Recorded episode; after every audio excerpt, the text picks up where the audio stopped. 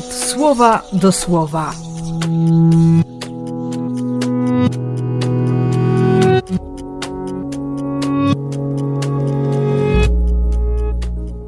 Dwudziesty ósmy grudnia, środa z męczennikami z Betlejem.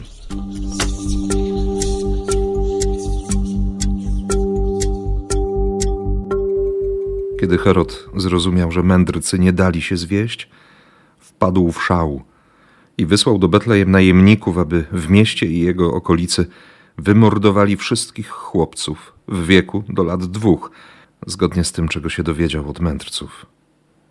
Próba utrzymania, no właśnie czego? Status quo? Strach. Strach, który miał wielkie oczy, a że przy okazji ten, który się bał, miał władzę, to, to nie bał się morderstwa. Nie bał się tej rzezi.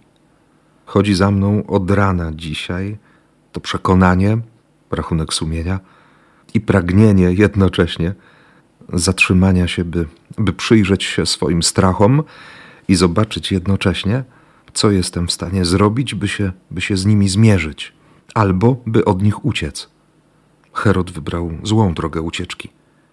A święty Jan w swoim liście mówi o tym, że, że Bóg jest światłością i nie ma w nim żadnej ciemności, i że krew Jezusa oczyszcza nas z wszelkiego grzechu, jakikolwiek i kiedykolwiek popełniliśmy.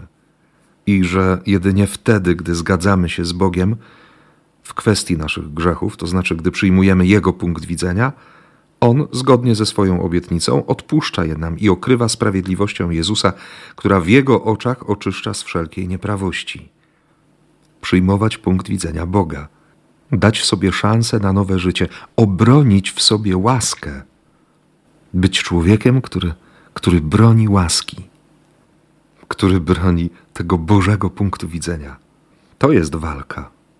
I pewnie, że będzie się pojawiał strach przed tym, że, że coś stracę, że nie podołam, że, że się nie uda, że nie ma sensu i, i tak dalej, i tak dalej.